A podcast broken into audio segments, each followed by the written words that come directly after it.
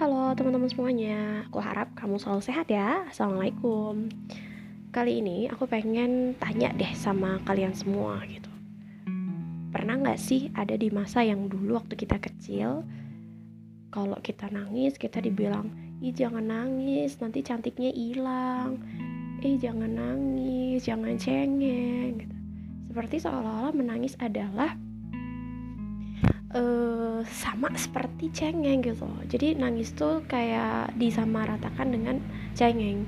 Padahal dulu waktu kita nangis waktu kita kecil kita nangis karena sakit kita nangis karena takut kita nangis karena emosi-emosi yang hadir. Bahkan kita sendiri nggak kenal. Kita menangis bahkan karena kita sedang merasa asing dan banyak hal emosi lainnya gitu. Terus orang dewasa banyak banget yang menghibur kita dan bilang kalau udah udah nggak usah nangis. Nanti gantengnya hilang nanti cantiknya hilang loh. Atau dengan kalimat semacamnya. Well sebetulnya mungkin itu bukan kalimat yang benar-benar salah tapi kurang tepat gitu. Kenapa sih gitu? Nah dari situ tuh kita jadi menyimpulkan bahwa uh, menangis tuh buruk ya menangis tuh tidak baik ya. Padahal menangis itu cara kita untuk mengeluarkan emosi kita. Justru yang yang nggak baik itu ketika kita pura-pura baik-baik aja pura-pura nggak sedih pura-pura uh, sedang bahagia padahal sebenarnya kita pengen nangis. Akhirnya karena kita pengen terlihat bahagia dan baik-baik aja akhirnya karena karena kita malu untuk menangis karena itu dianggap suatu hal yang kurang baik akhirnya kita mengalihkan perasaan itu. Akhirnya kita membiarkan perasaan itu ditumpuk ditumpuk ditumpuk dan bisa meledak di akhirnya nanti. Well aku melansir dari uh, Hello, Hello Sehat website uh, Hello Sehat. Uh, ada satu judul yang menarik banget gitu ini alasan orang sering menangis, justru mentalnya sekuat baja. Itu judulnya. Menarik banget. Mungkin aku pengen cerita dulu kenapa aku uh, bikin podcast ini tentang tema ini yang biasanya aku bikin tentang insight, tapi kali ini aku bikin tentang menangis. Well, jujur aja, ada banyak perasaan yang sering kali merontak dalam diri kita. Ada perasaan yang kadang-kadang kita nggak pengen itu datang, tapi tiba-tiba perasaan itu datang entah dari faktor eksternal, internal, atau bahkan suatu hal yang kita sendiri nggak tahu sebabnya apa. Nah, buat kita, teman-teman yang udah mulai harus mandiri, yang tinggalnya udah bisa dengan orang lain, yang dengan orang tua, yang harus ngekos, yang harus perantauan atau bahkan tinggal sama orang tua tapi punya kesibukan masing-masing. Kadang-kadang kita bingung nih mau mengeluarkan emosi itu gimana. Kadang-kadang kita bingung nih kita pengen cerita temennya lagi sibuk. Kalaupun lagi nggak sibuk, dia lagi nggak mood. Kalau lagi mood pun ternyata dia lagi nggak pengen diajak ngobrol atau alasan-alasan lain yang membuat kita tuh kita nggak bisa serta merta mencerita eh, mengeluarkan emosi kita selalu dengan menceritakan ke orang lain. Mungkin emang ada orang yang prefer lebih nyaman ketika mengeluarkan emosi melampiaskan dengan bercerita ke orang lain lantas didengarkan dicup-cup di uh, dipeluk dan lain-lain terus akhirnya mendapat solusi. Iya tapi sayangnya ada banyak kondisi yang kadang-kadang kita tuh nggak bisa melakukan itu gitu apalagi buat kita yang tinggalnya sendiri gitu. Nah maka sebenarnya menangis itu adalah salah satu solusi untuk mengeluarkan emosi itu. Kalau lagi-lagi kalau ada teman-teman yang mungkin ngerasa ah tapi kan kalaupun nangis berarti gue cengeng dong. Kalau nangis berarti gue cewek banget dong. Kalau nangis berarti gue lemah dong nggak kuat dong.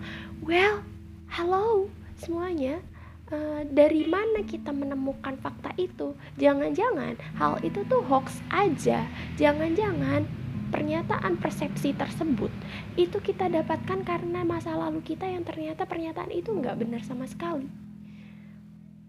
Ada banyak banget penelitian psikologi ada banyak banget orang-orang yang menemukan bahwa orang yang uh, menumpuk membiarkan emosi itu tidak dilampiaskan tidak dikeluarkan malah dilampiaskan nggak dilepaskan nggak dialirkan tapi dialihkan itu malah bikin penyakit mental itu malah bikin kesehatan mentalnya terganggu gitu.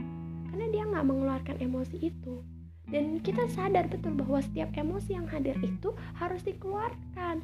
Sayangnya mengeluarkannya itu harus pilih-pilih salah satunya dengan nangis. Daripada kita membiarkan emosi itu dialihkan dibiarin eh, kita tahan-tahan kita pendem akhirnya nantinya jadi depresi lah nantinya jadi sakit mental lah itu kan bahaya banget. Bahkan ada satu penelitian waktu itu uh, Ambu Anggia seorang psikolog konsultannya Surahan Schooling dia bilang ada satu penelitian bahwa lebih dari 90% orang kena kanker itu itu karena pikiran karena mental karena e, emosi negatif yang ditumpuk terus menerus dibiarkan tidak dicari solusinya tidak dialirkan dikeluarkan. Akhirnya dan jadi bibit-bibit kanker dan lebih dari 90% itu pula itu di, di uh, diderita oleh uh, wanita dengan suku Jawa. Kenapa suku Jawa? Karena aku menyadari sebagai orang suku Jawa asli, emang orang suku Jawa itu wanita ter terutama lebih cenderung ke menyimpan perasaan itu, disimpan rapat-rapat, nggak dikeluarkan karena nerima, nerima, nerima dan nerimo gitu. Nah, makanya kali ini aku pengen ngebahas tentang menangis gitu.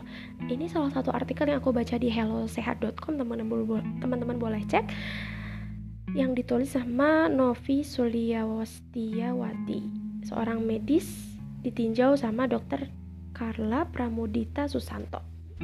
Nah, uh, aku sepakat banget sama judulnya ini bahwa uh, orang yang sering menangis itu justru mentalnya kuat baja bukan malah sebaliknya lemah gitu. Nah uh, di sini uh, emang disampaikan banget dan aku sepakat banget bahwa uh, banyak banget nih orang yang memilih menahan nangis atau pura-pura seolah semuanya baik-baik aja padahal sebenarnya dia sedang nggak baik-baik aja. Dia pura-pura baik pura-pura lagi bahagia pura-pura lagi oke okay banget biar nggak dibilang lemah. Karena emang stereotip stereotip stereotipnya di masyarakat semua orang kebanyakan orang memandang bahwa menangis adalah hal yang negatif. Ya iya soalnya dari kecil kita ditanamkan gitu. Ya kan? Sepakat dong. Nah padahal sebenarnya menangis itu nggak cuma mengurangi stres bahkan bisa memperbaiki perasaan well aku sendiri sepakat. Karena kalau habis nangis oh, habis meraung gitu kan. Kayak kalau anak kecil tuh tantrum ya. Kita juga mungkin ada sisi tantrumnya tapi di waktu yang tepat di kondisi yang tepat. Itu kayak habis itu kayak lega gitu. Nyiseknya tuh udah keluar gitu. Walaupun masalahnya belum begitu benar-benar selesai gitu. Bahkan ada studi yang menunjukkan bahwa sering nangis itu menguatkan mental. Keren gak tuh? Nah menangis sering kali dianggap negatif. Nah uh, gini deh ternyata ada salah satu penelitiannya juga bahwa kenapa sih perempuan lebih sering nangis karena hormon prolaktinnya itu lebih banyak dibandingkan pria. Nah, prolaktin ini adalah hormon yang terlibat dalam stres dan berperan untuk dalam sistem kekebalan tubuh atau fungsi tubuh lainnya. Jadi, bukan berarti yang gampang nangis itu cewek banget ya. Bukan berarti lemah, justru ketika kita penelitian ini menunjukkan bahwa sebenarnya efek nangis itu uh, bisa menguatkan kesehatan mental. Pertama, gimana nih kenapa bisa menguatkan diri, menguatkan mental setangguh baja? Karena kalau kita menangis itu artinya kita tahan dari stres. Gini deh, air mata itu sebenarnya bukan tanpa makna loh. Allah ciptakan air mata itu salah satunya adalah untuk terapi. Iya, menangis itu adalah terapi untuk menyalurkan emosi yang terpendam. Walaupun nggak menyelesaikan masalah nggak mengubah situasi sama sekali atau mengembalikan seseorang yang uh, kita harapkan kembali kepada kita gitu. Mungkin ada yang bilang gini ya teman-teman ya oh udahlah nggak usah nangis. Toh kalaupun nangis masalah juga nggak akan selesai gitu. Ya iya gitu. Emang nggak akan selesai tapi seenggaknya kita lega. Dan ketika kita lega kita akan lebih cerah untuk memikirkan apa solusinya. Kita lebih uh, mudah untuk membayangkan apa sih langkah setelah ini akan kita lakukan gitu loh. Jadi apalagi cewek itu kan hati banget ya mainnya. Maka ya udah dikeluarkan dulu itu yang ganjel itu gitu. Loh nah walaupun tidak mengembalikan situasi langsung setelah menangis tapi menangis itu sebenarnya terbukti secara ilmiah untuk membantu kita lebih baik lagi jadi itu adalah pemulihan tubuh dari tekanan emosi. Jadi kalau kita lagi emosi lagi membuncah, emosi kita lagi nggak baik, ya udah nangis aja, nggak usah ditahan. karena itu pemulihan tubuh gitu terus nggak cuma itu bisa menghilangkan rasa sakit itu juga menangis juga baik untuk kesehatan Nah, menangis nyatanya tidak hanya berpengaruh terhadap em kesehatan mental dan emosi, melainkan juga kesehatan fisik. Karena dapat melepaskan hormon dan membuat kita lebih baik lagi. Gitu. Jadi e, selain bisa melembabkan mata nih ternyata menangis, tapi juga bisa mencegah kita dari dehidrasi, membunuh bakteri dan juga membuang racun berbahaya dalam tubuh. Nah, kesimpulannya adalah menangis itu, sering menangis adalah tanda orang yang tangguh, bukan tanda orang lemah. Jadi nih teman-teman kalau masih ada teman-teman yang beranggapan bahwa menangis itu lemah, aluma dikit-dikit nangis, aluma dikit-dikit cengeng, mewek, keluar air mata. Enggak, itu tuh bukan tanda orang lemah, bahkan sebaliknya itu tuh tangguh. Asal baik lagi waktunya, kondisinya itu tepat, enggak menyakitkan orang lain dan lain-lain itu banyak banget nih orang termasuk kita yang lebih memilih mengabaikan emosi yang sedang kita rasakan. Padahal nih, mengabaikan perasaan negatif tidak baik sama sekali buat kesehatan mental. Bahkan mengabaikan perasaan negatif, emosi negatif yang sedang kita pikirkan, galau, marah, kesel, benci. Gitu ya. Itu justru malah membuat perasaan tersebut menumpuk dalam benak dan bisa memicu kecemasan dan depresi. Hasilnya tentu bendungan perasaan negatif itu tuh justru menghalangi kita buat melakukan sehari-hari. Ngeri banget nggak tuh? Sekali lagi menangis bukan tanda kelemahan. Baik wanita pria anak-anak maupun dewasa jadi ya, ya udah nangis aja. Nggak usah takut nggak usah malu nggak usah takut di, dicap yang negatif dan lain-lain. Karena emang ada penelitiannya gitu. Kita memilih uh, ada di stereotip yang jelas telah salah atau ini benar. Ya kita mah ambil yang benar aja dong. Bahwa menangis itu memang bukan tanda kelemahan. Nggak perlu takut nggak perlu malu nggak perlu khawatir diejek lemah ataupun dianggap hal-hal yang negatif lainnya. Karena rasa sedih, sakit, gundah gulana, galau, nangis itu tuh semua perasaan alami yang normal dirasain semua orang. Jadi menangis bukan berarti kita cengeng, lemah, tidak mampu mengenam, menangani masalah. Justru menangis adalah tanda kita punya solusi lain untuk menghadapi setiap permasalahan tersebut. Jadi uh, justru setelah menangis, kita lebih siap dan tegar menghadapi masalah.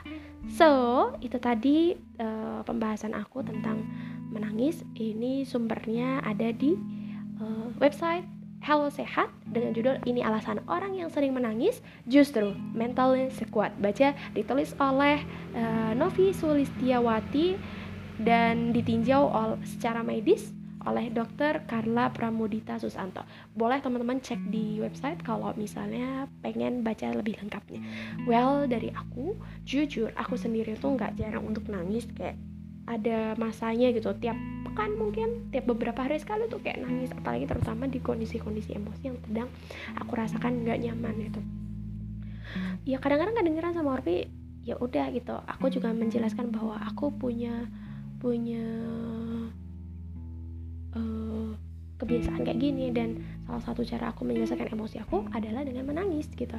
Jadi nggak kan? Kalaupun aku butuh cerita aku akan cerita. Kalau enggak kemungkinan aku lagi insya Allah bisa menyelesaikan semuanya sendiri well sekali lagi uh, pilih cara self healing kamu yang tidak merepotkan atau tidak bergantung ke orang lain tidak bergantung pada uang dan self healing yang memang tepat secara medis, secara mental, bukan self healing yang katanya jalan-jalan doang tapi ternyata nggak menyelesaikan masalah, tapi self healing yang benar-benar tepat gitu. Tentu selain menangis juga menangis dan berharap pada Allah, berdoa kepada Allah minta dikuatkan. Karena lagi-lagi sekuat apa pun ilmunya psikologi, sekuat apa pun, sekeren apa pun ilmunya medis, nggak akan e, bisa menyamai atau bahkan uh, lebih kuat daripada kekuatan syariah Islam jadi sambil nangis sambil berdoa sama Allah ya Allah bantu aku ya Allah bantu aku. Jadi berharap menggantungkan diri tuh sepenuhnya ke Allah bahwa nggak ada orang yang bisa mengerti nggak ada orang yang paling bisa memahami diri kita kecuali Allah. Jadi ya Allah tolong aku tolong aku mampukan aku. Gitu. Jadi balik lagi semua hal yang kita rasakan itu atas izin Allah. Dan ketika Allah kita menyadari bahwa itulah yang Allah beri Allah pasti punya maksud nih di balik perasaan itu apa sih yang Allah mau? Ya Allah apa yang engkau mau? Maka tunjukkan padaku dan bimbing aku. Allah pasti punya maksud dan ada kebaikan di dalamnya. Setelah itu cari hikmahnya dan terus mendekatkan diri kepada Allah. Itu dari aku, dari aku yang masih sering nangis, dari aku yang self juga nangis dan menulis buat aku menangis itu bukan memalukan, tapi menangis adalah tanda kita tangguh dan kita mampu menyelesaikan masalah kita sebaik mungkin. Terima kasih udah mendengarkan podcast aku. Semoga kamu sehat jiwa raga, bahagia dunia akhirat ya. Terima kasih. Wassalamualaikum warahmatullahi wabarakatuh.